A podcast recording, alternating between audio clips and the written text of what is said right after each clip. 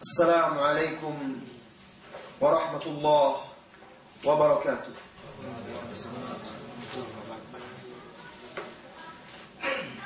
الحمد لله حمدا كثيرا طيبا مباركا فيه. أشهد أن لا إله إلا الله وحده لا شريك له. وأشهد أن محمدا عبده ورسوله.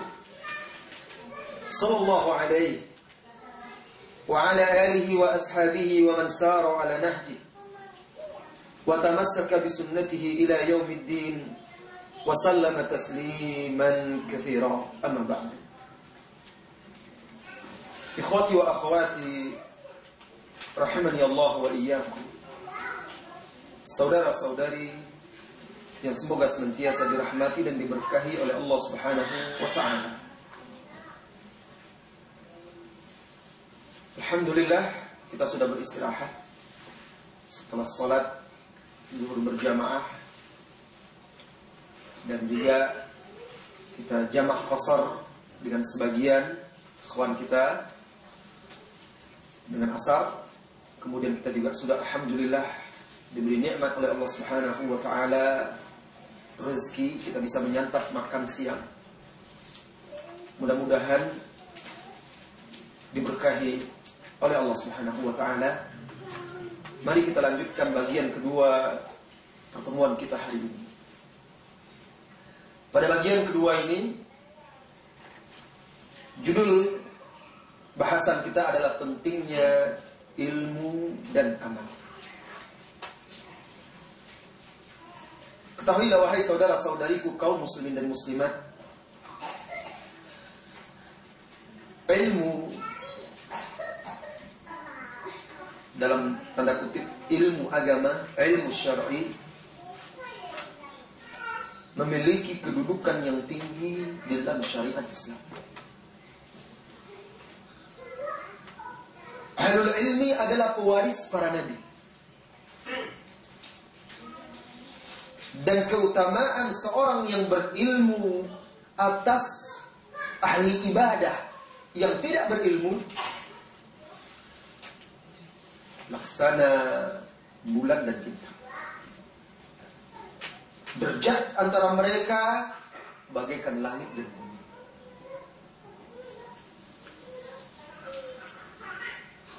Dari Qais Ibn Kathir yang menuturkan Qadima rajulun Abi Darda wa huwa wa huwa bi Dimashq Kata Qais, suatu hari datanglah seorang laki-laki dari Madinah menemui Abu Darda yang berada di Damaskus. Siapa Abu Darda wahai saudaraku? Sahabat Nabi Shallallahu alaihi wasallam wa radhiyallahu anhu. Dan yang datang dari Madinah ini juga seorang sahabat. Lantas datang dia bertamu. Abu Darda bertanya kepada dia dan hadis ini diriwayatkan oleh Imam At-Tirmizi. Ma aqdamaka ya akhi? Saudaraku kata Abu Darda. Apa atau kenapa engkau datang kemari? Untuk apa engkau datang kemari? Jauh-jauh dari Madinah. Datang ke Damaskus menemui Abu Darda Qal sahabat ini menjawab Hadithun balagani annaka tuhaddithu an Rasulillah sallallahu alaihi wasallam. Ada satu hadis sampai kepadaku dan aku dengar engkau meriwayatkan langsung dari Rasulullah sallallahu alaihi wasallam. Sahabat ini jauh-jauh menempuh perjalanan yang berat itu dari Madinah ke Damaskus. Ingin mendengarkan hadis tersebut langsung dari Abu Darda yang mendengar langsung dari Rasulullah Shallallahu Alaihi Wasallam. Abu Darda berkata lagi kepada dia, "Ama ji'ta hajah?" Oh, atau kamu datang ini karena ada satu kebutuhan yang lain gak? Qala la bukan. Qala Abu Darda, Abu Darda berkata lagi, "Ama qadim talit tijarah?" Atau barangkali engkau datang ke sini ke Damaskus ini untuk berniaga. Qala la tidak kata kawannya ini. Qala Ma illa fi talab Ma ji'tu illa fi talab hadha hadis. Sahabat yang dari Madinah ini, aku tidak datang kemari melainkan untuk menuntut hadis ingin mendengar hadis tadi. Qal akhirnya Abu Darda berkata, "Fa inni sami'tu Rasulullah sallallahu alaihi wasallam yaqul" Sesungguhnya aku mendengar Rasulullah sallallahu alaihi wasallam bersabda, "Man salaka tariqan yabtaghi fihi ilman, salaka Allah bihi tariqan ila jannah." tiba-tiba agak sakit sedikit.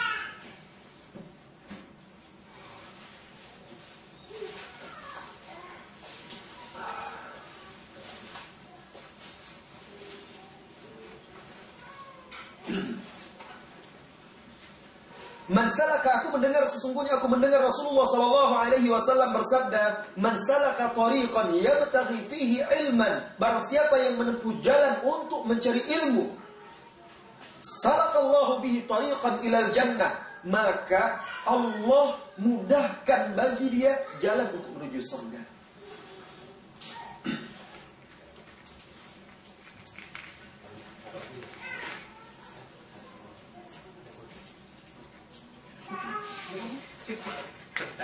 Jadi pasukan bodrek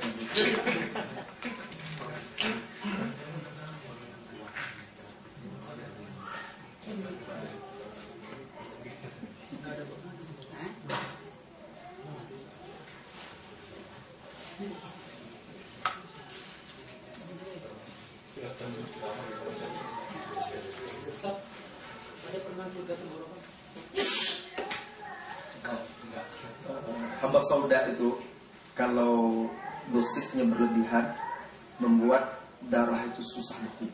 Nah, musim dingin paling tepat mungkin. Jadi dosisnya kalau makan hamba sauda jintan hitam itu kalau berlebihan itu darah susah beku. Kalau luka suka sembuh, eh, sulit sembuhnya. Kalau kedingin kan darah agak beku mungkin kan. Biasa makan sampai lima tadi. Kita lanjutkan.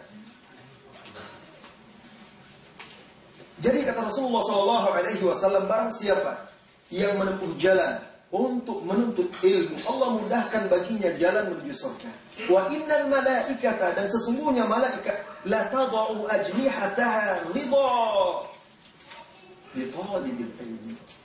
Dan para malaikat itu menurunkan atau menghentikan kepak-kepak sayap mereka karena ridho terhadap penuntut ilmu.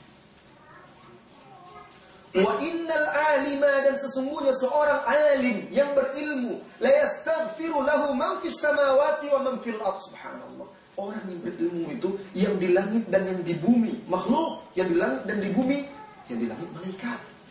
Yang di bumi seluruh makhluk sampai ikan yang ada di dalam lautan, di samudra beristighfar, memohon ampunan kepada Allah untuk orang yang berilmu. Allahu akbar. Jadi ikan-ikan, makhluk-makhluk hewan-hewan itu dia tidak berdosa. Kalau dia beristighfar, subhanallah. Kalau kita berdoa beristighfar banyak barangkali yang menghalanginya. Karena kadang makanan kita syubhat. Kelakuan kita, pakaian, minum. Sehingga menghalangi doa kita. Tapi subhanallah, jika kita berilmu, yang ada di langit malaikat yang tidak pernah melakukan dosa dan maksiat, tunduk dan patuh kepada Allah. Hewan-hewan semuanya beristighfar untuk orang yang berilmu. Hatta al-hitan fil sehingga ikan-ikan yang ada di dalam air. Wa fadlul alimi 'alal abidi dan keutamaan seorang alim atas seorang hamba, abid ahli ibadah, orang yang sholat malam sepanjang malam, membaca Al-Quran, berzikir banyak sekali, tetapi dia tidak berilmu. Ketika ditanya, apa ibadah yang Anda lakukan ini? Siapa yang ada contoh? Dia tidak tahu. Sholatnya itu apakah memang seperti itu sholat Rasulullah Sallallahu Alaihi Wasallam? Dia tidak mengerti. Apakah seperti itu Rasulullah Sallallahu Alaihi Wasallam bersuci, berzikir, membaca Al-Quran, berdoa dan ibadah-ibadahnya dia tidak paham. Penting ibadah saja. Maka orang yang berilmu jauh lebih utama daripada dia seperti kafadlil qamari ala sairil kawakibin. Kalau bulan purnama telah terbit, maka hilanglah kecantikan bintang gemintang itu. Seolah bintang itu mendapatkan cahaya dari keindahan bulan itu.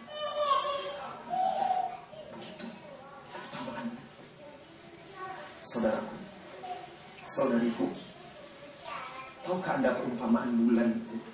Para sahabat memisalkan wajah Rasulullah SAW itu seperti bulan purnama. Bulan purnama itu bercahaya tetapi tidak panas, sejuk, Malam itu terang, indah. Seperti itu.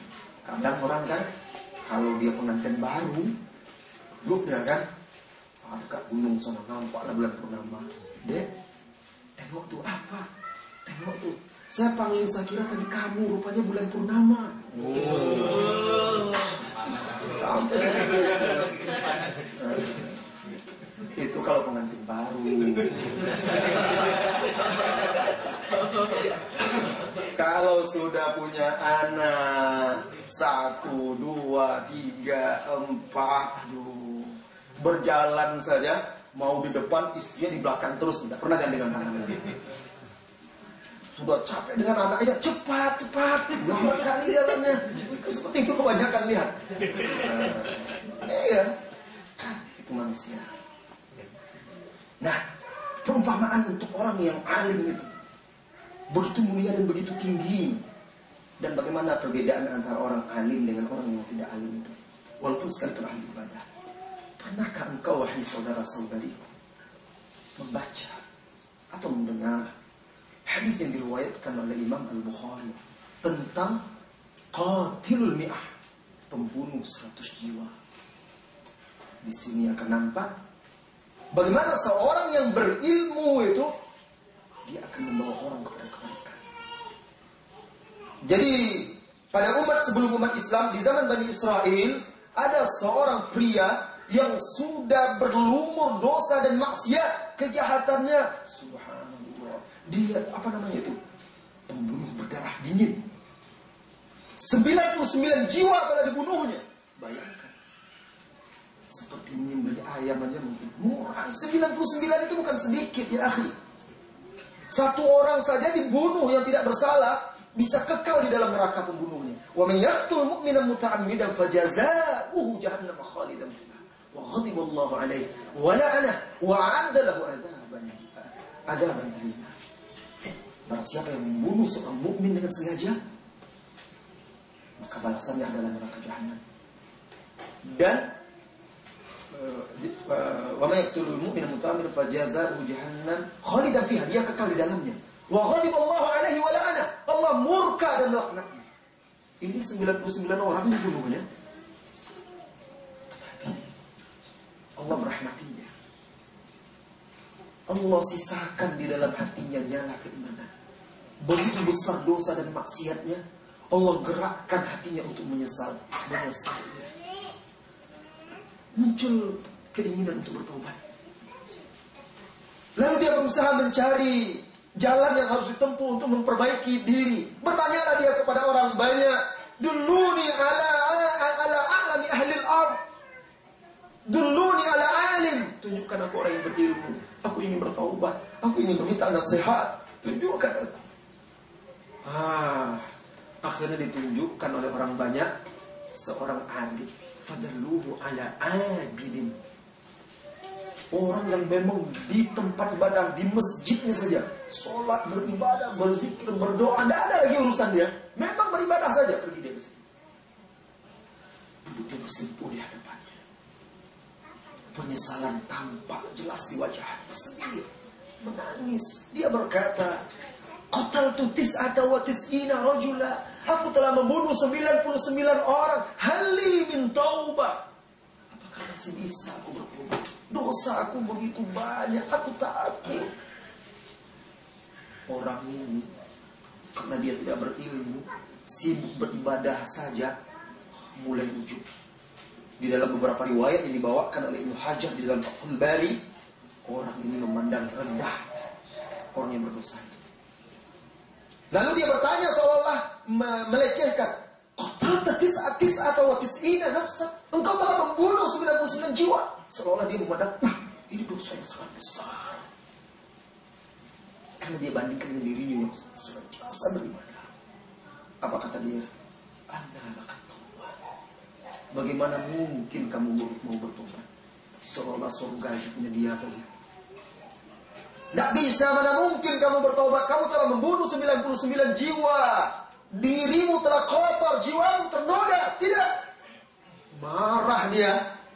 Orang yang sudah terbiasa bergelimang dosa, terpancing lagi setannya itu, dibunuhnya orang itu. Genap seratus dibunuh. Bertambah dosa. Selesai itu menyesal. Bertanya dia lagi ke sana kemari kepada manusia. Dulu ni ala alami ahli al-ard atau ala alimin. Tunjukkan aku orang yang alim berilmu. Aku ingin bertaubat. Fadulluhu ada alimin. Lalu akhirnya ditunjukkan oleh orang kepada seorang alim. Tadi abid, sekarang alim. Lantas pergi dia. Dengan penuh penyesalan dia berkata, Qataltu mi'ata nafsin. Aku telah membunuh seratus jiwa. Hali min. Apakah aku masih mungkin bertobat? Apakah Allah akan menerima taubatku mengampuni dosa-dosa aku? Lihat orang yang berilmu. Maka dia akan membukakan pintu rahmat tersebut. Lihat orang yang berilmu. Diraihnya tangan orang yang berdosa itu dengan lembut dan baik. Mari saudara. Apa kata dia? Manilladzi hajaba bainaka wa bainat taubah. Siapa pula yang akan bisa menghalangimu dari taubat? Tidak ada. Bertobatlah kepada Allah. Allah Maha penerima taubat. Subhanallah. Seketika itu terbitlah fajar harapannya. Asalnya itu kembali muncul mencuat optimisme untuk meraih ampunan Allah Subhanahu wa taala. Lihat perbedaan antara seorang alim dengan seorang abid. Lalu orang alim ini tidak cukup itu saja. Dibimbingnya, jika engkau ingin bertobat, tinggalkan kampung halamanmu. Fa innaha ardusu. Kampungmu itu kampung yang buruk, banyak maksiat dan pelaku dosa. Bayangkan bukti bahwa kampungnya itu kampung buruk. Apa? Buktinya 100 oh, bisa dia membunuh 100 orang di kampung itu berarti tidak tegak amar ma'ruf nahi munkar. Banyak orang jahat di situ. Pergi ke kampung fulan. Ibadatilah Allah di sana bersama orang-orang yang soleh berangkat dia untuk memperbaiki diri. Hijrah mencari tempat yang lebih baik, berkumpul dengan orang-orang yang taat dan soleh. Belum lagi sampai tengah jalan, baru saja meninggalkan kampungnya itu, kematian datang menjemputnya. Tersungkur dia. Kakinya telah kaku, dingin menjalari tubuhnya, tapi dia tidak menyerah. Dalam beberapa riwayat yang juga dibawakan oleh Ibnu Hajar di dalam Fathul Bari itu, dijelaskan dihadapkannya wajahnya ke kampung yang dituju. Dibusungkannya dadanya. Seolah-olah dia tidak ingin menyerah. Saya mau bertobat.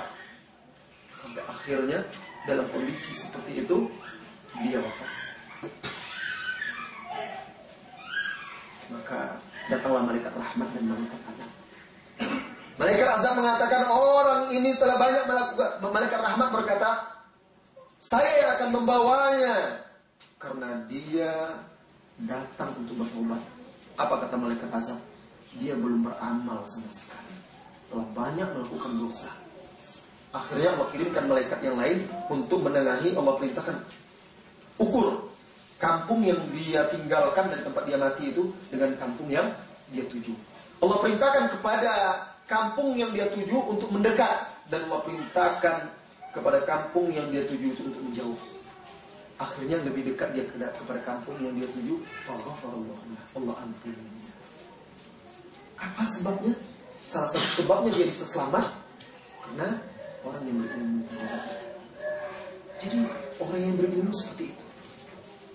Dia akan senantiasa berdakwah dengan arif, lembut, bijaksana, membukakan, membawa orang itu ke jalan yang baik dan mengarahkan bahkan mendampingi orang-orang itu untuk bisa bertaubat di jalan Allah Subhanahu wa taala. Intinya perbedaan antara orang yang berilmu dengan tidak.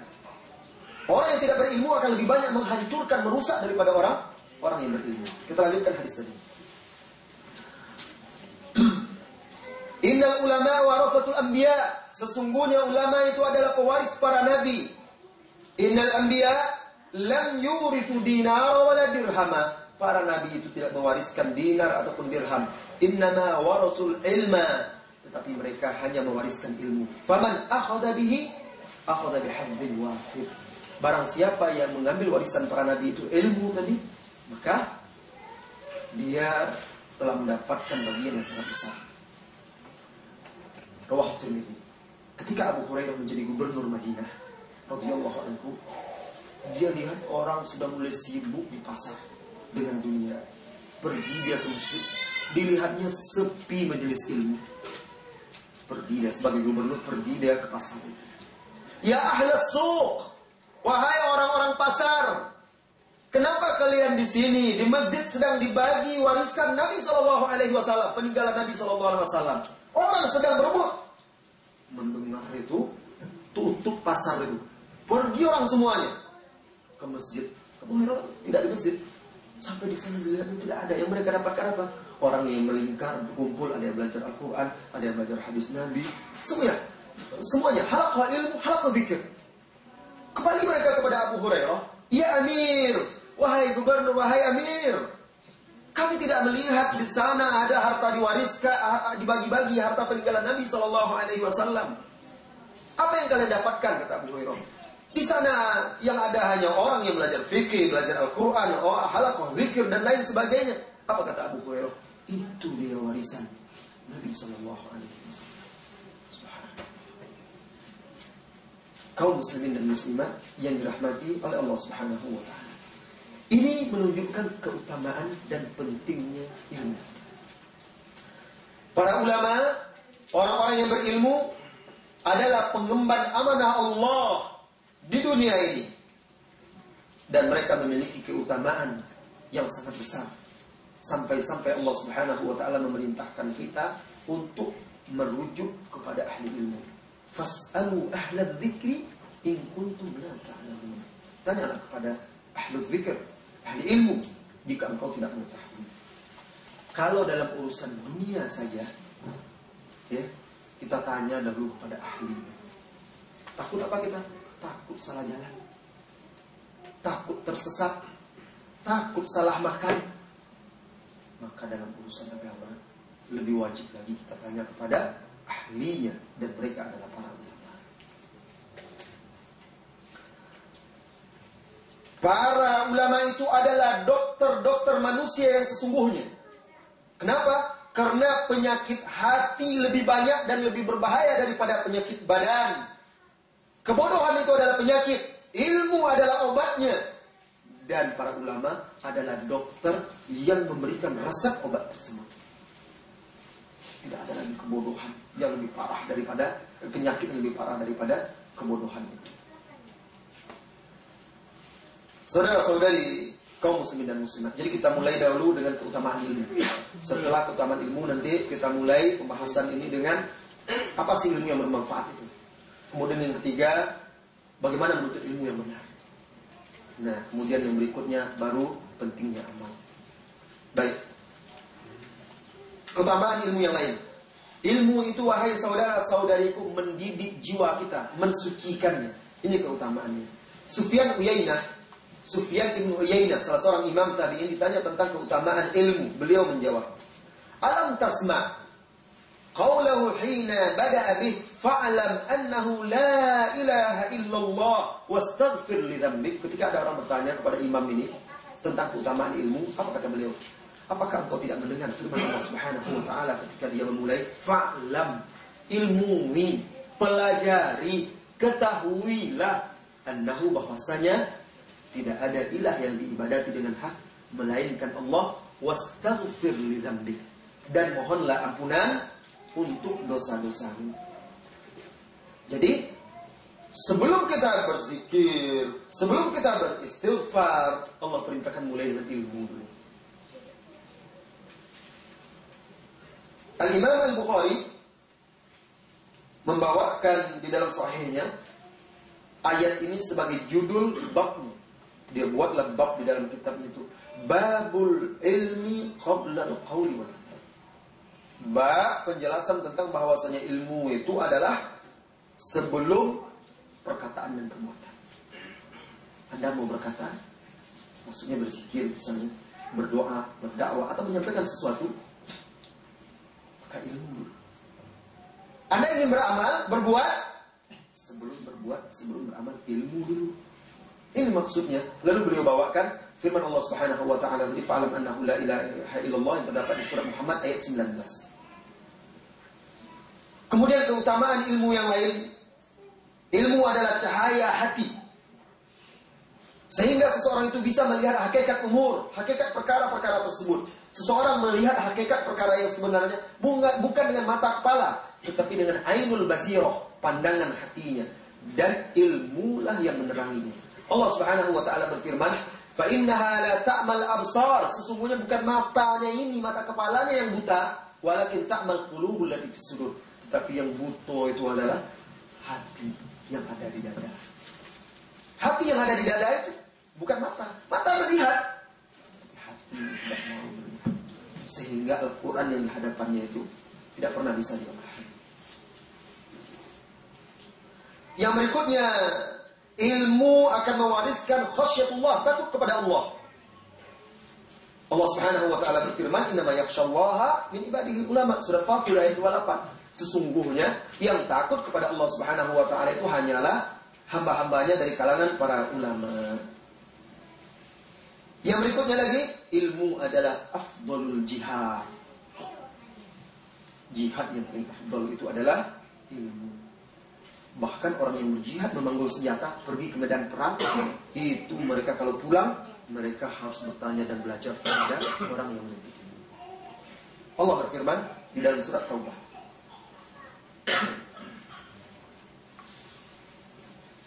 Falaula nafara min kulli firqatin minhum ta'ifah liyatafaqahu fid din. Waliyundiru qawmahum idza raja'u ilaihim la'allahum yahzarun. Kalau ada setiap kelompok dari umat itu yang pergi sebagian mereka menuntut ilmu, tafaqquh fiddin, memahami agama. Kemudian nanti mereka memberikan peringatan kepada kaum-kaumnya yang pulang dari berjihad. Bahkan yang menentukan kapan jihad itu wajib, tidak itu fatwa-fatwa adalah orang yang beril, berilmu, para ulama. Ini menunjukkan bahwa jihadnya ilmu itu adalah jihad yang sangat afdal. Allah berfirman, "Walau syi'na laba'atna fi kulli qaryatin nadhira, fala tuti'il الكافرين wajahidhum bihi jihadan kabira. Al-Furqan dan kalau kami mau ingin kata Allah Subhanahu wa taala niscaya kami akan utus pada setiap negeri itu kampung itu orang yang memberi peringatan. Ulama ahli ilmu atau para nabi dan pewarisnya. Fala tu'til kafirin, jangan kalian patuhi, taati orang-orang kafir itu, wajahikum bihi jihadan kabira. Dan berjihad melawan mereka dengan jihad yang besar. Apa maksud jihad di sini? Yaqulu Ibnu Qayyim, Ibnu Qayyim berkata, "Fahada jihadun lahum bil Qur'an." Maksudnya adalah berjihad melawan mereka dengan Al-Qur'an. Wa huwa akbarul jihadaini dan itu adalah satu dari dua jihad yang paling besar. Jihad dengan hujjah hujjah. Ini menunjukkan keutamaan-keutamaan ilmu. Kemudian keutamaan yang lain ilmu dan pemahaman agama itu nikmat yang sangat besar dan tanda-tanda orang itu Allah menginginkan kebaikan untuk orang itu. Di dalam hadis Bukhari dari sahabat Muawiyah Rasulullah Shallallahu Alaihi Wasallam bersabda Man yuridillahu bihi khairan Barang siapa yang Allah menginginkan kebaikan untuk dia Maka Allah jadikan dia kaya Bukan Allah jadikan dia penguasa Tidak Allah jadikan dia terkenal Tidak Rasulullah katakan Sallallahu Alaihi Wasallam Man yuridillahu bihi khairan yufaqihu fid din. Barang siapa yang Allah inginkan kebaikan untuk dia, Allah jadikan dia faqih dalam agama. Paham dia agama. Sama sekali tidak disinggung oleh Rasulullah. Allah jadikan dia banyak harta. Tetapi Allah katakan, Allah jadikan dia paham agama. Jika kita ingin melihat suatu masyarakat itu baik atau tidak, lihat bagaimana sikap mereka terhadap ilmu agama. Kalau di situ hidup para penuntut ilmu, hidup dan semangat majelis-majelis ilmu, masyarakatnya rajin menuntut ilmu agama, itu tanda kebaikan. Karena Allah menginginkan kebaikan untuk untuk mereka. Begitu juga di tengah sebuah keluarga. Itu tanda-tanda kebaikan.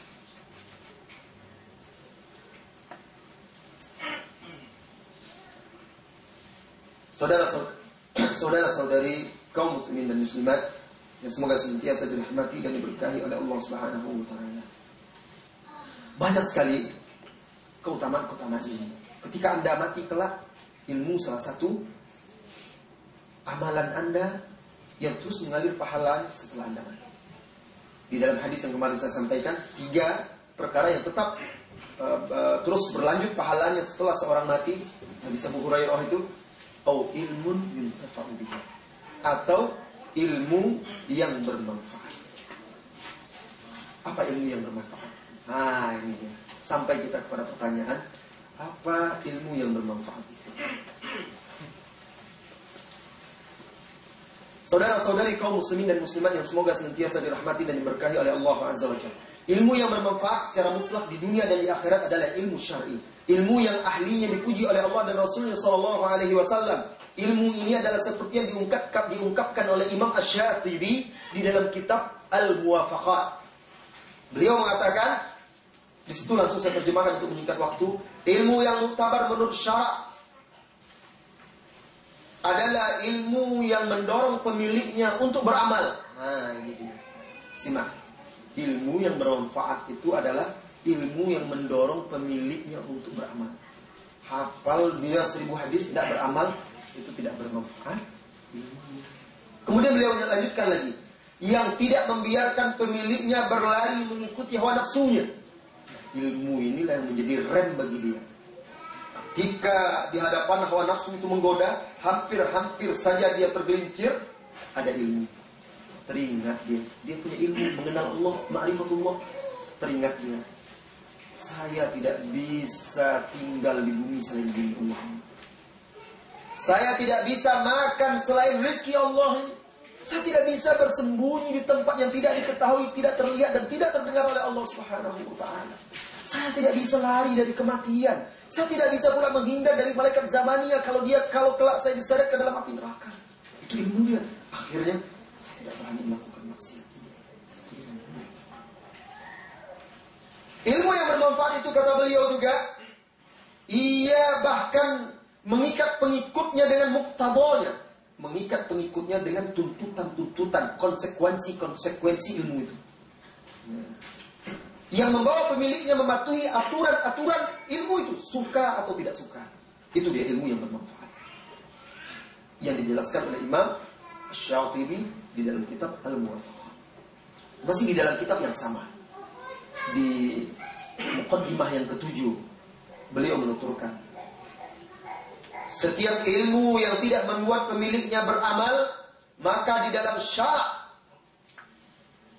Fafis syar'i tidak ada dalil dalam syarak yang menganggapnya baik. Setiap ilmu tidak mendorong seseorang itu untuk beramal berarti itu bukan bukan ilmu yang bermanfaat. Oleh karena itu, saudara-saudariku, Ulama yang sejati itu adalah yang mengamalkan ilmunya dan tampak pada dirinya sifat-sifat takut kepada Allah Subhanahu wa taala. Ayat yang kita baca tadi surat Fatir, "Innama yakhsyallaha min ibadihi ulama." Ilmu tidak akan bermanfaat tanpa disertai pengamalan. Allah Subhanahu wa taala berfirman, menegur orang-orang yang berilmu tapi tidak mengerjakan yang dia katakan atau ia kerjakan. Di dalam surat As-Saff يا أيها الذين آمنوا لم تقولون ما لا تفعلون كبر مقتا عند الله أن تقولوا ما لا تفعلون Wahai orang-orang yang beriman Kenapa? Kenapa engkau katakan sesuatu yang tidak kamu kerjakan Amat besar kebencian di sisi Allah Kamu mengatakan sesuatu yang tidak kamu amalkan bahwa ilmu jika tidak diamalkan malah mendatangkan kemurkaan Allah Subhanahu wa taala. Allah juga mengingkari perbuatan orang ahli kita yang tidak mengamalkan kebaikan yang dia sampaikan kepada manusia. Ata'muruna nasa bil birri? Apakah engkau perintahkan manusia melakukan kebaikan wa tansawna anfusakum wa antum ta'lamun? Kalian lupakan diri kalian padahal kalian tahu. Kenapa Allah celah? Karena orang ahli kitab itu tidak mengamalkan il, tidak mengamalkan ilmu. Di dalam sebuah hadis yang diriwayatkan oleh Imam Al-Bukhari dan juga Imam Muslim dari sahabat Usama bin Zaid radhiyallahu anhu dia berkata Yukta birrajuli yawmal qiyamah.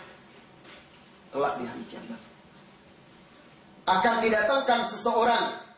Fayulqa finnar dicampakkan ke dalam neraka. Fatandaliqu aqtabu batnih. Maka berkoyak perutnya, terburai usus-ususnya, terburai ususnya. Fayaduru biha kama yaduru himar lalu dia berlari keliling-keliling seperti keledai dan ususnya itu seperti penambatnya, pengikatnya. Seperti keledai yang sedang berputar-putar fir roha, roha itu biasa itu untuk menunggu tepung. Jadi ada keledai inilah yang berputar uh, memutar mesinnya, penggilingnya. Putar-putar harus itu saja. Seperti itulah di neraka kelak ini. Berkumpul penduduk neraka fayastami ilahi ahlun nar. Penghuni neraka berkumpul mengelilinginya. Ternyata mereka mengenal orang ini. Fayaqulun, mereka berkata, "Ma'alaka ya fulan?" Ada apa dan kenapa engkau sampai ke sini fulan? Alam takun ta'muru bil ma'rufi wa tanha 'anil munkar? Bukankah engkau dulu yang mengajak kepada ma'ruf dan mencegah dari kemungkaran? Mana benar aku dulu yang melakukan itu? Aku yang mengajak kalian kepada kebaikan. Aku yang mencegah kalian dari kemungkaran. Kuntu amuru bil ma'ruf la at. Kuntu amuru bil ma'ruf wa la ati. Dulu aku mengajak kepada kebaikan tapi aku tidak lakukan. Wa anha 'anil munkar wa ati dan aku mencegah dari kemungkaran tapi aku pula yang melakukannya. La ilaha Dicampakkan ke dalam neraka dalam kondisi seperti itu disiksa karena tidak mengamalkan ilmunya.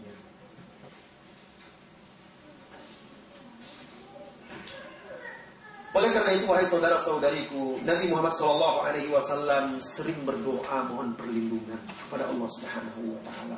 Tanya diri kita hari ini. Dari berapa hari kita menuntut ilmu ini? Dari hari Sabtu, Ahad, ini hari yang ketiga. Ada enggak salah seorang dari kita membaca doa ini? Lihat kelalaian kita. Rasulullah SAW alaihi wasallam Nabi beliau senantiasa dan sering mengulang-ulang doa ini. Allahumma a'udzubika min ilmi la yanfa. Ya Allah. Aku berlindung kepadamu dari ilmu yang tidak bermanfaat. Wa min qalbin la yakhsha dan dari hati yang tidak khusyuk. Wa min nafsin la tashba dan nafsu yang tidak pernah puas. Wa min du'ain la yusma dan dari doa yang tidak didengar. Pernah kita baca? Saya yakin dalam tiga hari ini mungkin kalaupun ada satu dua tiga orang aja yang membaca. Kalau setanya mungkin tak hafal tanda pula nanti. Ini bukti apa? Bukti kita harus sungguh-sungguh meneladani Rasulullah SAW itu saudaraku. Seriuslah sedikit. Sedikit saja saya minta. Serius kita ini. Jadilah seorang salafi yang benar-benar dan bersungguh-sungguh. Ini masalah-masalah yang kecil. Tapi kalau yang kecil itu kita tidak bisa membiasakannya. Bagaimana masalah-masalah yang besar? Doa cuma bacalah itu dalam sujud. Baca ketika berdoa setelah selesai sholat sunnah. Baca kapan anda sempat di malam hari. Seperti malam terakhir. Allahumma inni a'udzubika min ilmi la yanfa. Kalau seseorang itu ilmunya tidak bermanfaat. Bagaimana mungkin hatinya akan khusyuk? Kalau hatinya tidak khusyuk dan tidak tunduk. Maka nafsunya tidak akan pernah kenyang. Kalau nafsunya tidak pernah kenyang. Maka tidak peduli lagi dia halal dan haram. Ketika itu doanya tidak lagi didengar oleh Allah Subhanahu wa taala. Ini semuanya saling berkaitan. Allahumma inni a'udzubika min ilmin la yanfa. Ya Allah, aku berlindung dari ilmu yang tidak bermanfaat. Wa qalbin la yakhsha dan hati yang tidak khusyuk. Wa nafsin la tashba dan nafsu yang tidak pernah kenyang puas. Wa du'ain la yusma dan doa yang tidak dikabulkan. Nah, siapa yang hafal? Coba. Siapa yang hafal? Coba.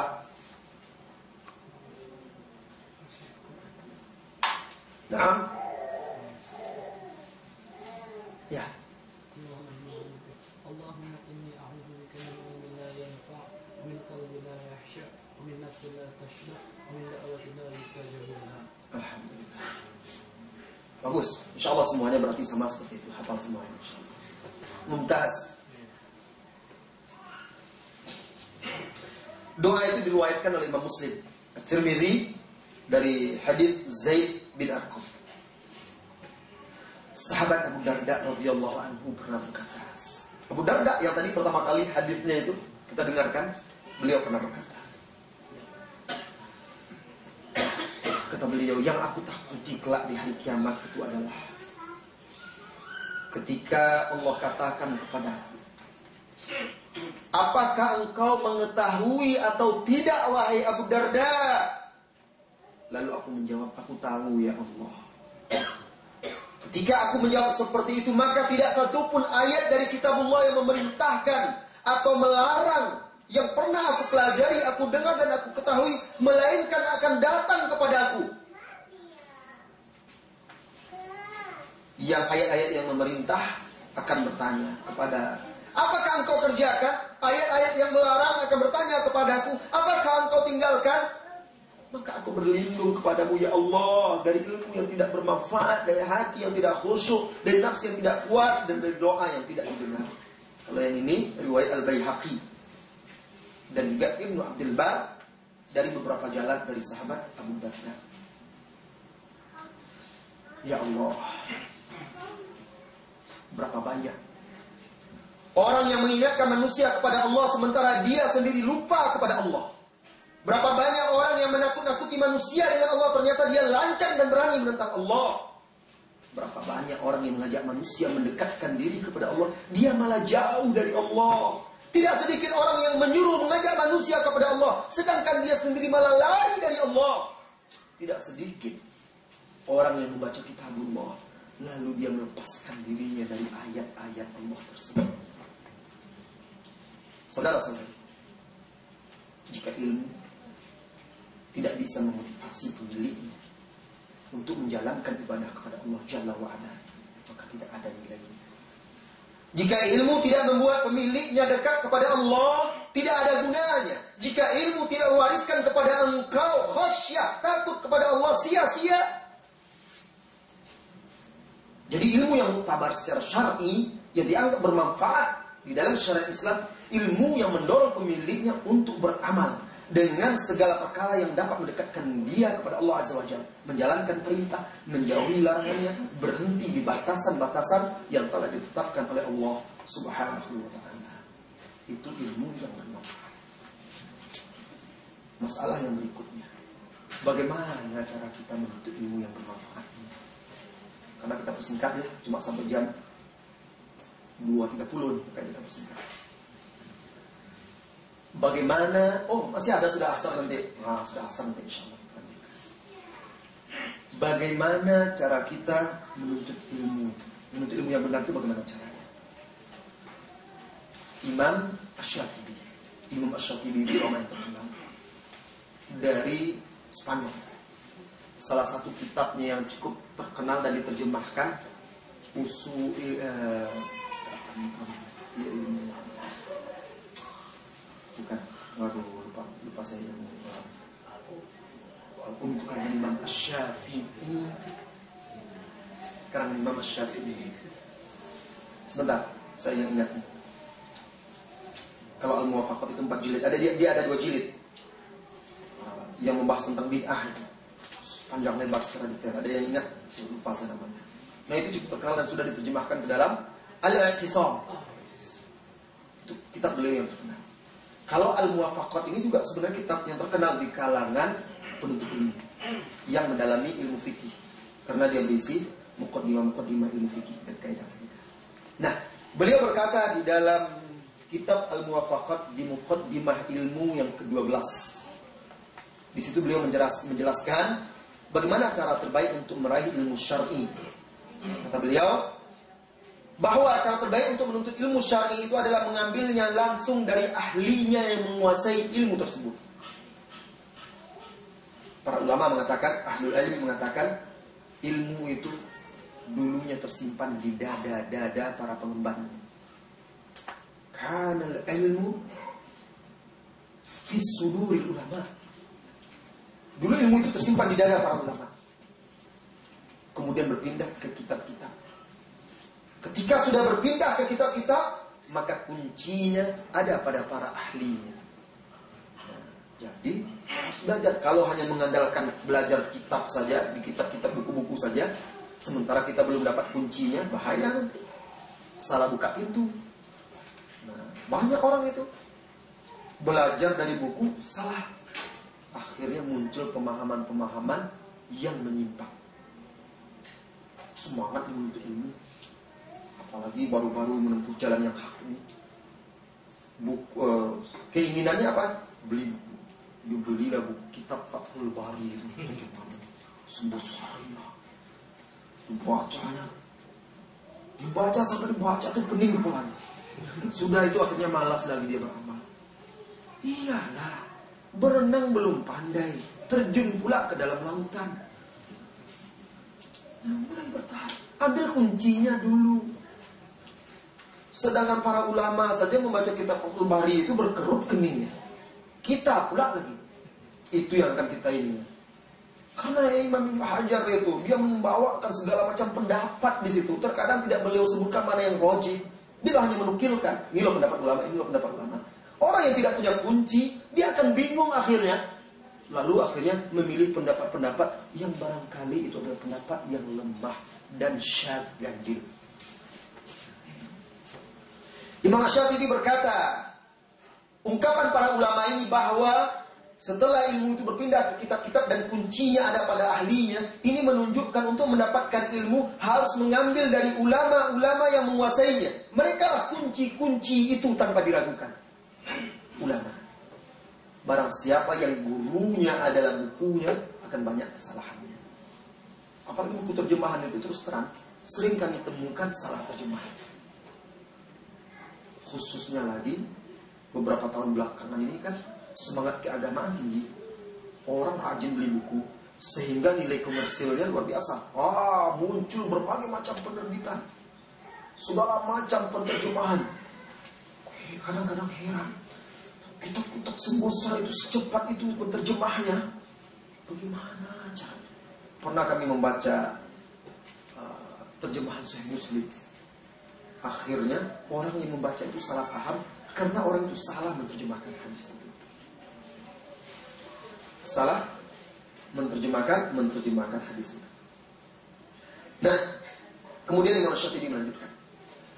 Apabila telah jelas bahwasanya harus mengambil ilmu dari ahlinya yaitu ulama yang menguasainya, maka untuk menempuhnya itu ada dua cara. Sekarang kita pertama sudah tahu ilmu itu ambil dari ahlinya. Itu pertama cara menuntut ilmu. Kalau kita sudah tahu, Lalu bagaimana? Ada dua cara. Yang pertama, cara menuntut ilmu itu adalah musyafahah. Musyafahah itu mengambil langsung dari lisannya. Ini yang paling bermanfaat. Musyafahah itu hadir di majelisnya, mendengar langsung, bertanya, berdiskusi dengan ulama. Itu namanya musya, musyafahah. Syafahah itu kan bibir dari mulut, dari lisan langsung. Ini cara menuntut ilmu yang paling bermanfaat karena keutamaannya banyak. Tidak ada pada buku. Ada kadang-kadang kita baca buku itu berhari-hari kita pikirkan, kita cari, kita ini tidak dapat kita. Ketika kita tanyakan kepada ulama sebentar aja langsung terjawab. Ulama itu kan tidak dikatakan ulama kecuali mereka itu sudah menyelami samudra itu, samudra ilmu itu. Berbagai macam kitab permasalahan sudah dia bahas. Para ulama itu mana ada ulama yang tidak hafal Al-Quran? Mana ada para ulama yang tidak membaca hadis-hadis Sahih Bukhari, Sahih Muslim segala macam. Kalau ada mengaku ulama tidak kenal kita kata hadis itu bukan ulama itu, tapi ulama, huruf ulama itu. Ya. Iya. Iya kan ulama itu dia dikatakan ulama itu karena sudah kokoh kakinya di atas ilmu itu. Dia kuasai bahasa Arab itu dengan seluk beluknya. Dia kuasai ada Al-Quran itu dengan seluk beluknya. Dia kuasai hadis Nabi Shallallahu Alaihi Wasallam dengan seluk beluknya, tafsir dengan seluk beluknya, fikih dengan seluk beluknya. Tahu dia perbedaan-perbedaan pendapat ulama, tahu dia apa saja perkara-perkara yang sudah diijma ulama, tahu dia mana yang nas menasah, mana yang menasahkan, mana yang am, mana yang khas, mana mutlak, mana muqayyad dan lain sebagainya. Bisa dia membedakan mana sahih, mana dhaif. Itu dia ulama kalau kita ini masih penuntut ilmu namanya.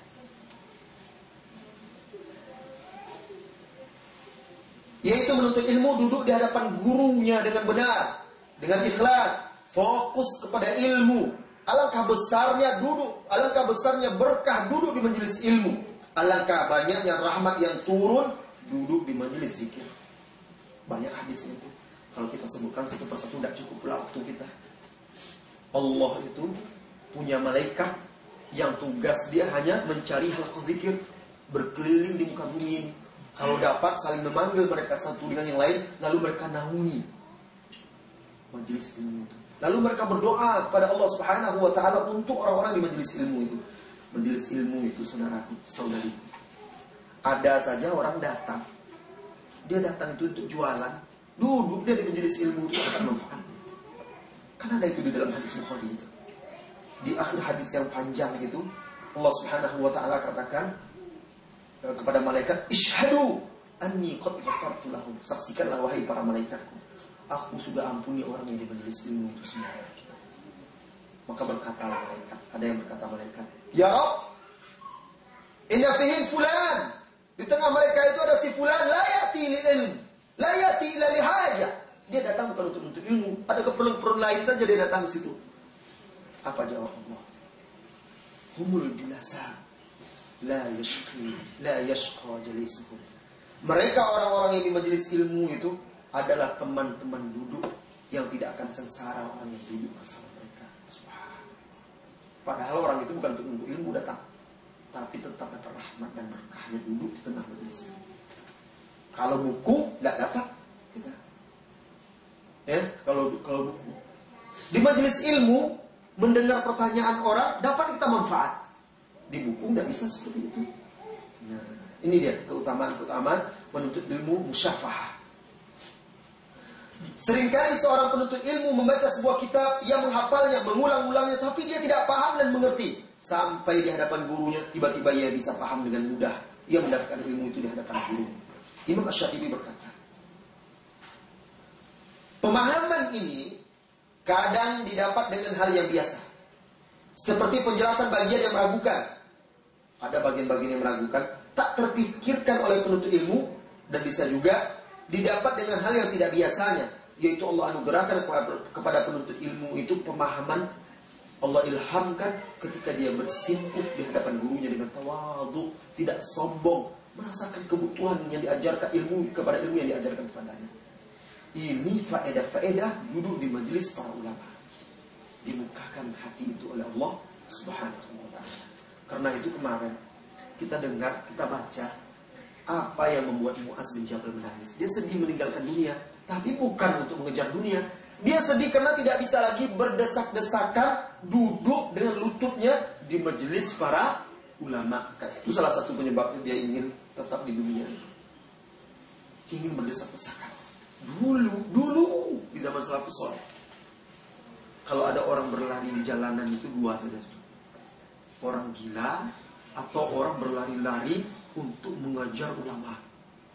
Takut terlambat, tidak dapat kebagian, kebagian ilmu. Seperti itu semangat orang menuntut ilmu. Kita yang tadi rencana mulai mau jam 9.30, akhirnya jam 10 juga mulai. Kemarin sudah bagus, jam 9 jam, jam, jam 10 juga mulai. Kan sering seperti itu semangat kita. Semangat untuk menuntut ilmu itu kurang. Dan subhanallah, saya di kelas waktu kuliah itu fikih yang ngajar Syekh Abdul Musin al Abbad. Saya belum pernah melihat beliau terlambat macam itu. Padahal beliau tidak digaji.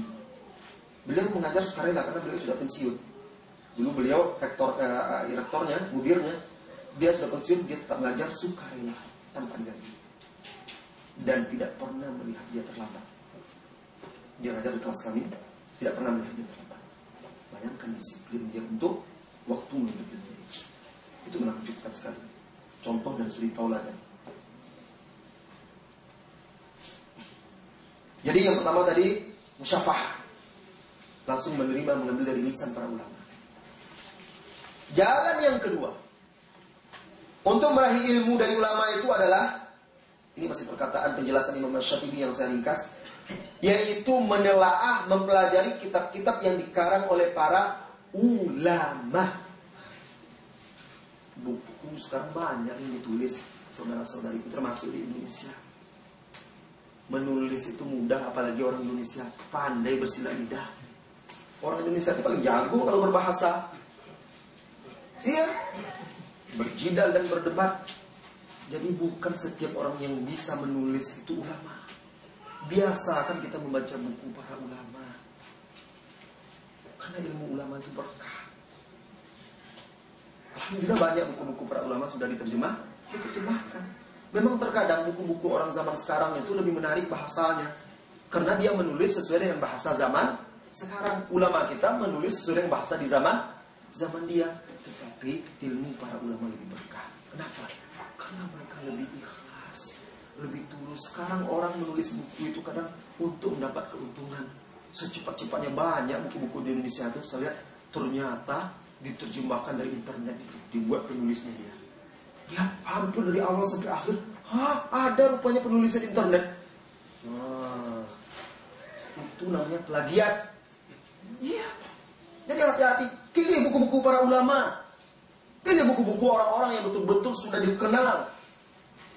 Perjuangannya komitmennya untuk mempertahankan agama Allah itu akan lebih berkah ilmu kita Alhamdulillah ulama-ulama, baik ulama mutaqaddimin atau ulama zaman sekarang, bukunya sudah banyak diterjemahkan dan itu memudahkan kita. Kan trennya sekarang kan nulis buku, bedah buku, jual buku. Kan. Para ulama mana ada bedah buku, jual buku langsung? Tidak ada. Eh, betul itu. Tidak ada. Para ulama itu sengaja seperti itu. Untuk memasarkan buku itu tidak ada. Kalau tujuan mereka bukan itu.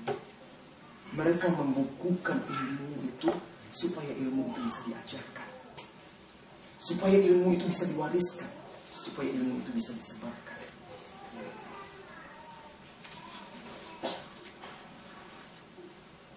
Jadi kita lanjutkan dari apa kata Imam Syatibi, Abu Ishaq Syatibi rahimahullah taala, yaitu dengan menelaah kitab-kitab ini karang oleh para ulama. Cara ini juga bermanfaat dengan dua syarat. Nah, ada dua syaratnya. Menuntut ilmu melalui buku-buku para ulama ada pula dua syaratnya. Syarat yang pertama 14.30 itu selesainya ya itu istirahat. Berarti um, 14 uh, 15 itu tanya jawab. Tadi ada pertanyaan tersisa. Ya. Syarat yang pertama mampu memahami maksud-maksud ilmu yang sudah dipelajari. Lihat, mengetahui istilah-istilah ahlinya yang akan membantunya memahami kitab-kitab yang dipelajari. Nah, jadi tidak sembarangan ada kunci-kuncinya. Kita baca buku apa sih? Buku fikih. Harus paham kita istilah-istilahnya. Kalau kita lagi beli buku, itu jangan langsung lihat isinya. Wah, baca dulu mukadimahnya. Gimana sih metode pengarang ini? Mungkin dia punya istilah-istilah khusus di situ. Seperti uh, Imam Ibnu Hajar Al Asqalani kalau di dalam kitab Bulughul Maram. Dia menyebutkan hadis lalu dikatakannya akhrajahul arba'ah misalnya. Dikeluarkan hadis ini oleh imam yang empat. Harus tahu kita apa yang maksud imam yang empat ini? Apa? Bukan Imam Abu Hanifah, Malik, Syafi'i dan Ahmad. Tidak. Tapi yang dia maksud itu ashabus sunan al-arba'ah. An-Nasai, Abu Dawud, Tirmidzi, Ibnu Majah. Misalnya. Atau kadang-kadang rawahus sita illal Bukhari misalnya diriwayatkan oleh enam kecuali Bukhari. Itu ketemu sita, tapi Imam Bukhari tidak. Itu istilah-istilah. Kadang ada ulama itu yang mengarang kita istilah cuma huruf ho. Ada juga po, ba. Apa maksudnya ini? Itu bukan rumus-rumus mantra. Kadang membaca hadis itu setelah hadatsana fulan, hadatsana fulan, huruf ha. Apa itu? Harus paham kita. Ha itu maksudnya tahwil, pindah dari satu sanad ke yang lainnya. Oh, itu istilah-istilah kunci-kunci itu kita ketahui juga dari ulama, dari ulama. Kalau kita tahu nanti istilah-istilah pengarang itu dan istilah-istilah e, materi buku itu ilmu fikih, kita sedikit banyak sudah tahu istilah-istilah fikih akan membantu kita untuk memahami buku tersebut. Syarat yang kedua, hendaklah ia memilih kitab-kitab ulama terdahulu. Itu Imam Syafi'i menjelaskan. Jadi yang saya katakan tadi bukan dari saya. Imam Syafi'i ulama juga yang menjelaskan. Pilih kitab-kitab ulama terdahulu. Karena mereka lebih mendalam ilmunya daripada ulama mutaakhirin.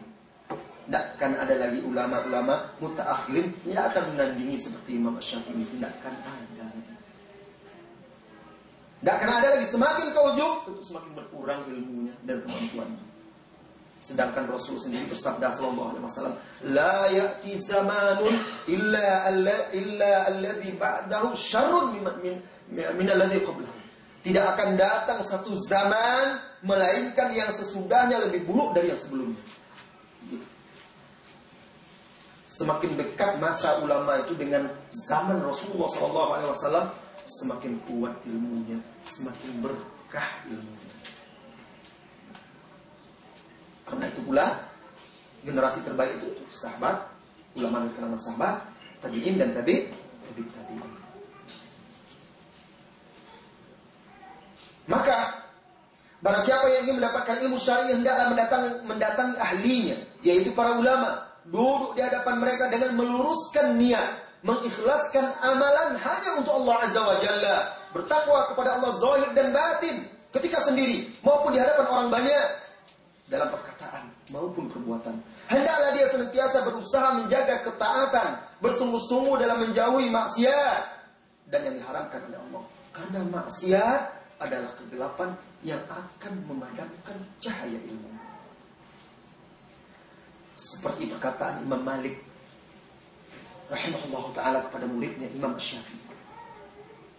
Hai anakku, aku melihat bahwasanya Allah telah memberikan cahaya di hatimu. Kapan dia katakan itu? Ketika Imam Malik datang kepada dia, ternyata eh, ketika Imam Syafi'i datang kepada Imam Malik usianya berapa waktu belasan tahun, dia sudah hafal kitab Muwatta.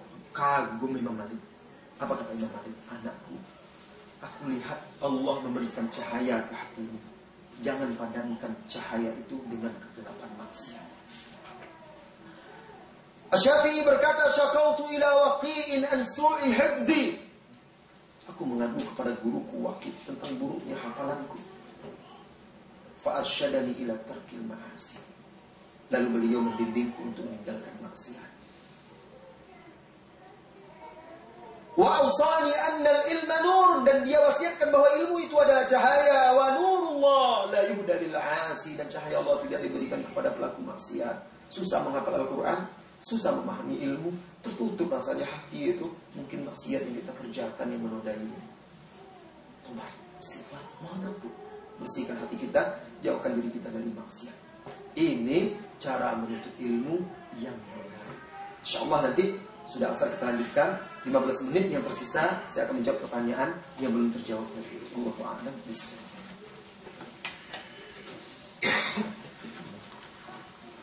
Mudah-mudahan singkat tapi padat ya. Terlalu padat nanti berat pula. Iya.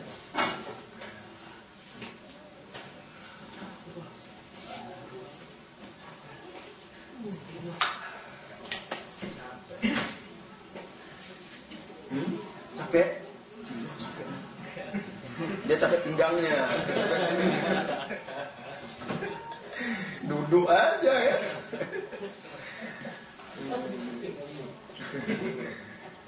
itu pakai tenaga ngomong tenaga. Jadi kadang-kadang kalau di majelis ilmu itu kan, kalau gurunya terlambat datang, kadang-kadang murid itu tidak peduli. Apa Ustaz ini? nggak datang, nggak ngasih tahu dan segala macam. Giliran dia nggak datang, seenaknya saja. Mau datang, mau nggak kadang terlambat duduk di sana, di sini. Kalau sekali ustadznya dua kali nggak datang kan mungkin ada halangan, ada apa. Ini ustadz ini gimana nih? Ini, ini. Itulah manusia ya. Ya, maklum.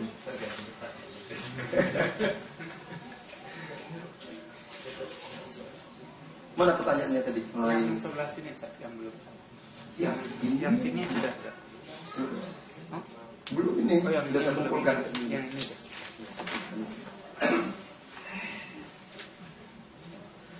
Dalam surat At-Taubah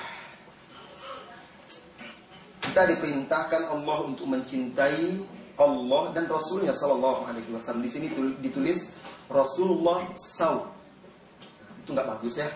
Jadi kalau kita mau nulis itu sempurnakan Sallallahu Alaihi Wasallam. Kenapa? Karena orang yang membaca pasti nanti bacanya SAW dalam hatinya. Rasulullah SAW. SAW. Itu nggak ada artinya. Sama seperti Assalamualaikum. Kirim SMS kan As. Ya, as. Tidak ada artinya di dalam dalam bahasa Arab. Langsung kata Ustaz. Orang yang membacanya bukan Assalamualaikum pasti As. Pasti itu yang terlintas di hatinya. Apa itu. Nggak bagus kan? Hmm, makanya yang lengkap. Jadi Allah Subhanahu wa taala jangan SWT. Rasulullah sallallahu alaihi wasallam tulis dengan lengkap karena itu ibadah, selawat. Ya. Allah perintahkan dalam surah At-Taubah kita untuk mencintai Allah dan Rasulnya sallallahu alaihi wasallam serta jihad fi sabilillah. Yang dimaksud jihad di sini apa ya Ustaz? Kalau yang dimaksud di ayat itu adalah jihad berperang di jalan di jalan Allah. Di Al-Qur'an dan di dalam hadis-hadis kalau disebutkan jihad secara mutlak itu maksudnya jihad berperang di jalan Allah. Kalau yang dimaksud jihad yang lain pasti ada nanti penjelasan-penjelasan seperti ilmu termasuk jihad, berbakti kepada kedua orang tua termasuk jihad. Tetapi kalau yang disebut di ayat ini adalah jihad berperang di jalan Allah. Dari mana kita bisa paham? Baca ayat-ayat sebelumnya. Ini untuk menegur orang-orang munafikin yang malas berperang. Orang-orang yang enggan berperang bersama Rasulullah Shallallahu Alaihi Wasallam karena lebih mencintai alasan mereka kan keluarga, anak, kebun, harta dan sebagainya. Saya pernah mendengar bahwa salah satu penyebab orang yang tertahan untuk masuk surga karena tidak suci dari najis. Di sini saya ingin menanyakan bagaimana adab atau cara yang benar dalam buang air kecil di mana kita ketahui di sini WC-nya tidak boleh basah. Saya basah terus basah. Air aja kan. Jadi, saudara-saudari, yang benar bukan terhalang masuk surga. Kencingnya itu di dalam hadis hadis Rasulullah SAW yang cebok tidak bersih atau percikan-percikan yang tidak dibersihkan itu menjadi penyebab terbanyak orang disiksa di alam barzah. Jadi ada dua perkara yang menjadi penyebab terbanyak. Ada sebab-sebab lain, tapi mayoritas manusia kebanyakan disiksa oleh itu. Mengadu domba dan tidak bersih dalam tidak membersihkan sisa-sisa najis air seni. Seperti hadis Al-Mughirah bin Syu'bah. Rasulullah sallallahu alaihi wasallam pernah marro Rasulullah sallallahu alaihi wasallam ala khamrain. Rasulullah pernah melewati dua kuburan. Faqal innahuma la yu'adzaban. Apa kata Rasulullah sallallahu alaihi wasallam? Dua penghuni kubur ini sedang disiksa. Wa ma yu'adzabani fi. Keduanya itu tidak disiksa oleh sebuah masalah yang besar, masalah yang berat, ringan sebenarnya. Amma ahaduhuma fa innahu la ya fa innahu kana la yatanazzahu anil. Dulu dia tidak menjaga dirinya dari kencing. Tidak cebok, kadang kena percik-percikan kaki yang tidak dibersihkannya, pakaiannya. Nah, penyebabnya itu. Kemudian yang kedua, wa amal akhar kana yamshi fid dunya namama. Dia dulu di dunia suka mengadu domba. Di dalam riwayat lafaz lain, riwayat lain juga Rasulullah menjelaskan kebanyakan azab di kubur yang menimpa umatnya karena ini. Kencing yang tidak tidak bersih dicuci. Nah, bagaimana kondisi seperti sekarang? Kan WC tidak boleh tidak boleh basah. Sebenarnya untuk cebok bersuci kan boleh air, boleh istinja dengan benda lain selain dari selain dari tulang, jangan istinja dengan tulang, marah jin nanti. Karena tulang itu makanan makanan jin atau dengan kotoran yang sudah keras. Nah, karena itu makanan hewan-hewan tunggangan-tunggangan jin. Tapi selain itu bisa termasuk tisu itu bisa. Ya, bersihkan aja dengan baik dan benar sampai betul kering, sampai bersih. Kalau tidak bisa, mungkin ambil air nih, usahakan ambil air sedikit, bawa ke ke WC. Tetapi tisu itu bisa menggantikan istinja dengan dengan batu. Dibersihkan. Allahu a'lam bisa. Ustaz, Ya. menambahkan kalau misalkan eh, sepatu atau celana kita terpecik dengan air seni itu Bersih. bisa dibersihkan aja, Bersihkan. diusap aja. Dipercikan air. Ya. Karena kan kalau sedikit dibasahkan sedikit kan hilang najisnya. Ya. Kan najis itu kan ada tiga kemarin saya sebutkan unsurnya. Bau, warna, rasa. Nah, kalau sudah dikasih air, tidak ada lagi bau, baunya, tidak ada lagi warna itu, insya Allah sudah bersih.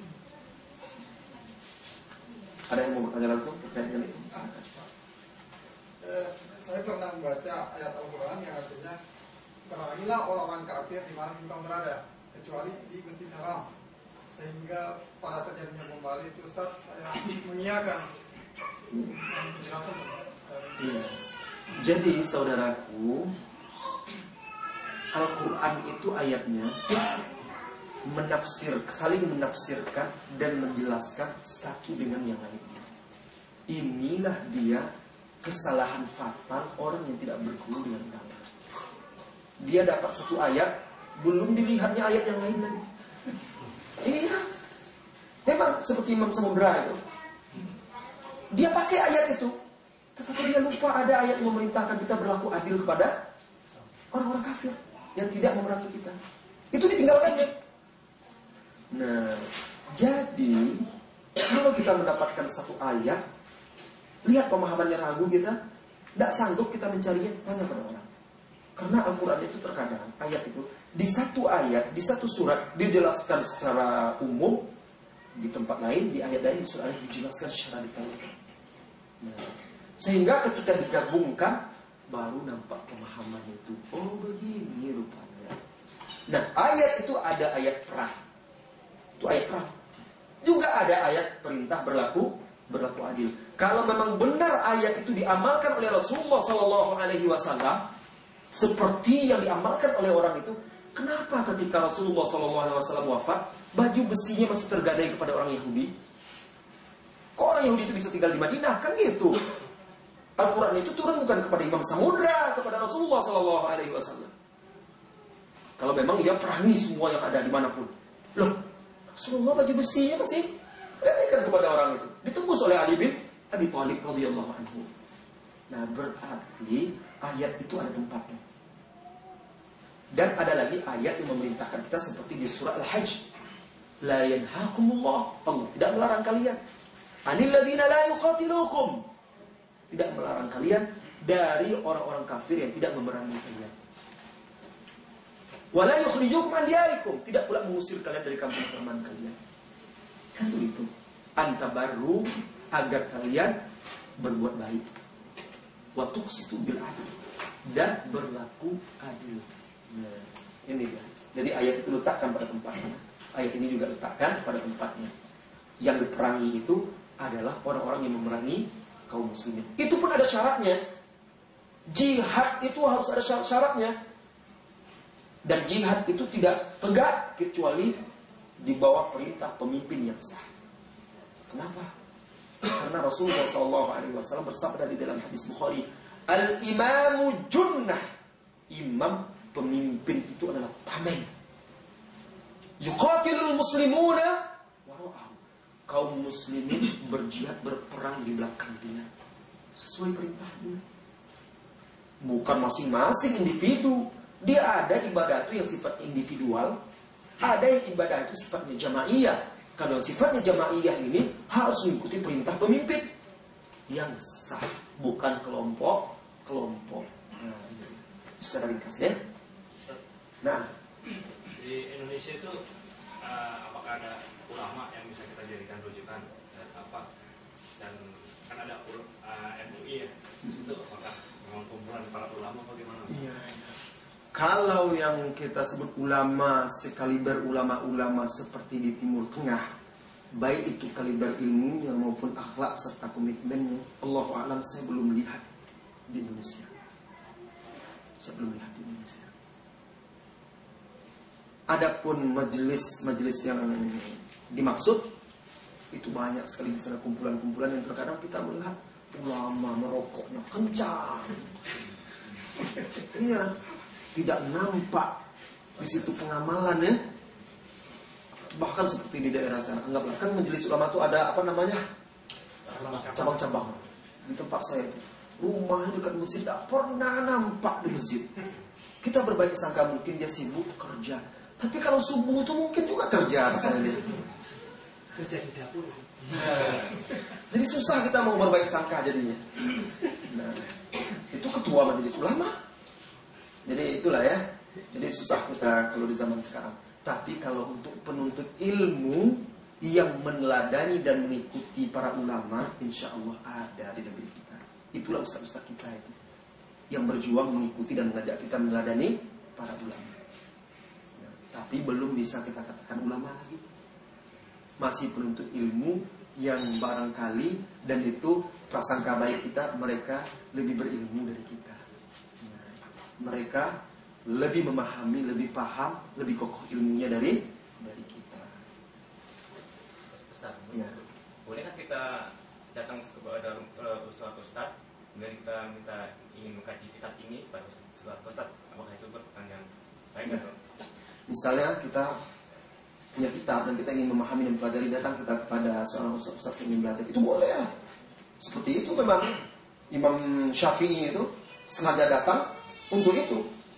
Bahkan apakah saya sudah cerita di sini atau belum? Atau di majelis lain? Siapa nama ulama itu?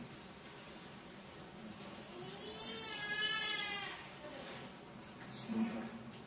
Saya lupa nama ulama. Dia ingin belajar hadis dari imam itu. Kemudian, oh iya, betul-betul. Jadi bapak dia kan sudah jual rumah, kan sudah saya ceritakan sama saya. Entah di sini atau di masjid sekali. Bapak dia sudah jual rumah untuk mengirim dia belajar kepada imam itu. Tapi karena dia anak kecil ya, kan itu udah saya ceritakan itu. Karena anak kecil tidak dipandang dia, remehkan terus. Terus dia berdiri di situ, diusir, datang dia lagi. Sampai akhirnya dia nangis. Nangis dia, dia memang anak kecil, umur 10 tahun. Nangis dia di depan pintu imam itu, eh, imam eh, ya, ulama itu, imam besar itu di zaman Nabi ini. Sampai akhirnya kenapa engkau menangis? Aku kan tidak menyakitimu. Pulanglah engkau. Apa kata dia? Bapak saya sudah menjual rumahnya untuk mengirim saya belajar hadis dari anda wahai syekh. Malah engkau menzalimi saya. Akhirnya merasa berdosa syekh itu. Dia berkata, kalau begitu bagaimana saya menebus kesalahan saya? Diamlah. Dia mau memujuk anak itu.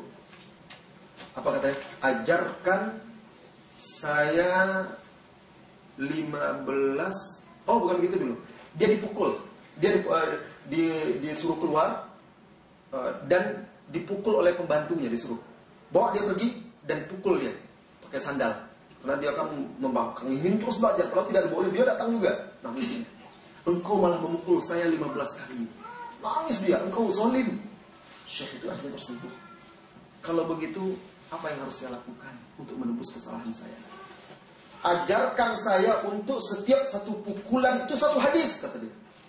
Wah, akhirnya diajarkan 15 hadis sesuai dengan jumlah pukulan itu. Selesai dapat dia 15 hadis itu apa kata anak ini? Ya Syekh, tambah pukul lagi saya. Tetapi setiap pukulan ajarkan saya satu hadis. Sampai seperti itu dia rela dia. Nah, ya. Jadi itulah dia para ulama datang untuk belajar. Rela dia seperti itu. Tapi kita saya dulu pernah sering gitu membuat kitab ini ke Ustaz tapi udah udah berkeluarga, udah keluarga kadang-kadang Ustaznya kan nggak di nggak di anu masih masih misi sebenarnya saya juga nunggunya di, di luar cuma ada orang takut membaca dari tetangga-tetangganya gitu. Kan padahal soalnya kan seorang sendiri yang istrinya kan di, di rumah sendirian. Tapi biasanya istrinya suami belum pulang. Saya tolong di luar saya di luar juga kan.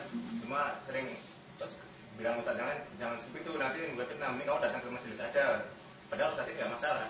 Ah, eh, kalau memang ustadz itu yang tidak mau, berarti nggak usah. Ya, buat kesepakatan jadwalnya. Mungkin Nah, itu udah udah mau semua cuma Ustaz yang lain ini takutnya mending kamu di majelis aja sama-sama oh nggak mesti seperti itu. Tidak mesti seperti itu. Syekh Al Albani orang datang belajar kepada Syekh bin Baz orang datang belajar kepada. Mau datang ke majelis bisa, cuma kan terkadang di majelis itu sifatnya kita tidak bisa takhasus, tidak bisa mendalam karena orang orang banyak. Oleh karena itu, para ulama-ulama itu mereka punya murid-murid khusus, murid-murid dekat, di mana dia betul-betul mendalam, dikaji mendalam. Kalau majelis-majelis umum seperti ini kan tidak bisa secara mendetail, tidak semuanya bisa paham. Kalau sibuk, yang lain sudah bingung, berat sekali pengajian ini, ya kan? Kaidah-kaidah ini, akhirnya malah seorang ngaji. Nah itu ada majelis-majelis untuk menuntut ilmu. Dan tidak ada masalah itu juga merupakan uh, metode para ulama dahulu. Yang penting buat kesepakatan dengan ustaz itu. Sehingga kita datang memang pas dia ada di rumah. yang boleh mengajar boleh mengajar ya. Misalkan di topik itu ada yang pertama tuh ke anak TPA, anak kecil SD itu. Yang kedua ngajar ke ke teman-teman kan di banyak di topik itu di koliko gitu. Hmm. Oke. Pertanyaannya Ustaz yang tidak punya ilmu boleh mengajar nggak? Apa yang mau diajarkannya? Comot-comot dari mana-mana. Nanti comot-comot jadi cemot. Jadi, saudara, ada beda berdakwah dengan mengajar. Kalau dakwah itu lebih luas lingkup. Kita bisa berdakwah dengan apa yang kita bisa. Kalau mengajarkan ilmu syar'i, tentu ada syarat-syaratnya. Tetapi kalau kita mengajarkan apa yang kita ketahui sebatas yang kita ketahui itu boleh. Tidak lebih daripada itu. Kalau tidak tahu kita tidak mau comot-comot. Kita sudah belajar apa yang sudah kita pelajari. Masalah tauhid misalnya. Tauhid itu mentauhidkan Allah itu apa maksudnya? Tauhid itu terbagi sekian. Syirik itu begini-begini. Itu kan kita sudah belajar. Paham kita. Tidak apa-apa. Ya boleh. Tapi jangan lewati batas ilmu kita itu. Bertanya orang tentang hukum ini pandai pula kita menjawab. Ini dan segala macam. Ini kan sudah lain ini. Ya, jadi maksudnya mengajar sesuai dengan kemampuan kita dan kepada orang yang cocok pula untuk kita ajarkan anak-anak TPA. Nah, kalau di liko-liko itu apa yang diajarkan? Apa yang diajarkan? Oh terserah yang ngajar. nah sebenarnya kalau memang mau mengajarkan ajarkan aja secara umum kepada kaum muslimin. Nah, ayo kita belajar segala macam. Kalau kita tidak punya ilmu lebih baik baca kita, baca buku buku para ulama. Ini loh kita bacakan aja. Misalnya Sarah Riyadus Solihin, baca hadisnya ada syarahnya, ada poin-poin sudah bacakan. Malu kita, kenapa pula malu membaca? Memang kita itu bisa kita. Jangan karena malu akhirnya tanggung jawab kita di Allah berbahaya nanti. Ya? Jadi tidak apa-apa, ajarkan yang semampu kita saja. Kalau memang kamu udah saya nggak ada lagi ilmu saya ini habis sudah per- perbendaharaan ilmu saya kita baca-baca buku aja nggak masalah. Itu insya Allah akan memberikan manfaat. Itu dakwah. Ya. Habis waktunya. Ini belum terjawab lagi semuanya.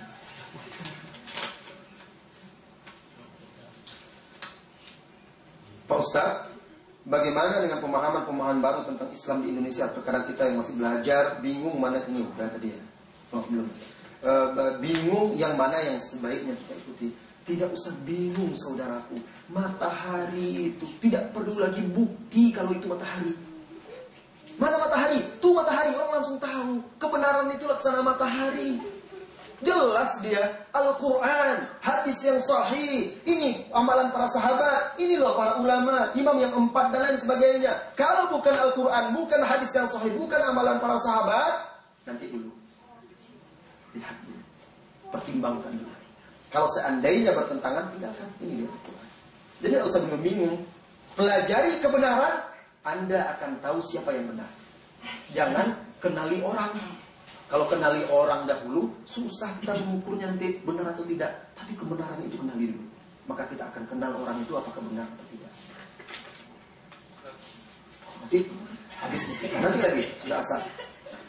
Apakah kita yang masih muda diperbolehkan berhaji, sedangkan kita belum sempurna dalam sholat, kita belum sempurna dalam membaca Al-Quran dan lain-lain, tapi keinginan kita kuat untuk berhaji. Syarat berhaji itu adalah mampu. Ah, muslim, akil, balik, dan mampu. Jadi tidak ada syaratnya lancar dulu baca Al-Quran. Iya, ya.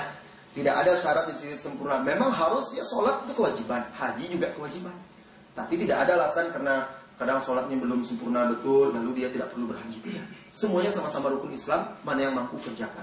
Tapi tetap sholat nomor satu. lebih didahulukan daripada haji. Masalah usia masih muda, malah masih muda itu bagus pergi haji. Iya. Kenapa? Karena kalau sudah tua itu malah susah sempurna ibadah haji kita. Mau rajin-rajin ke masjid, tawaf tidak kuat lagi. iya. Memang betul. Berat haji itu. Akhirnya kan tidak sempurna lagi. Sudah tercapek, sakit, dan segala macam. Nunggu tua, sudah keburu mati, tidak jadi haji. Nah, masih muda, ada rezeki, walaupun belum nikah, haji. Tidak ada masalah. Doa di sana, ya Allah mudahkan rezeki saya, murahkan jodoh saya. Nah, dikabulkan oleh Allah mudah-mudahan.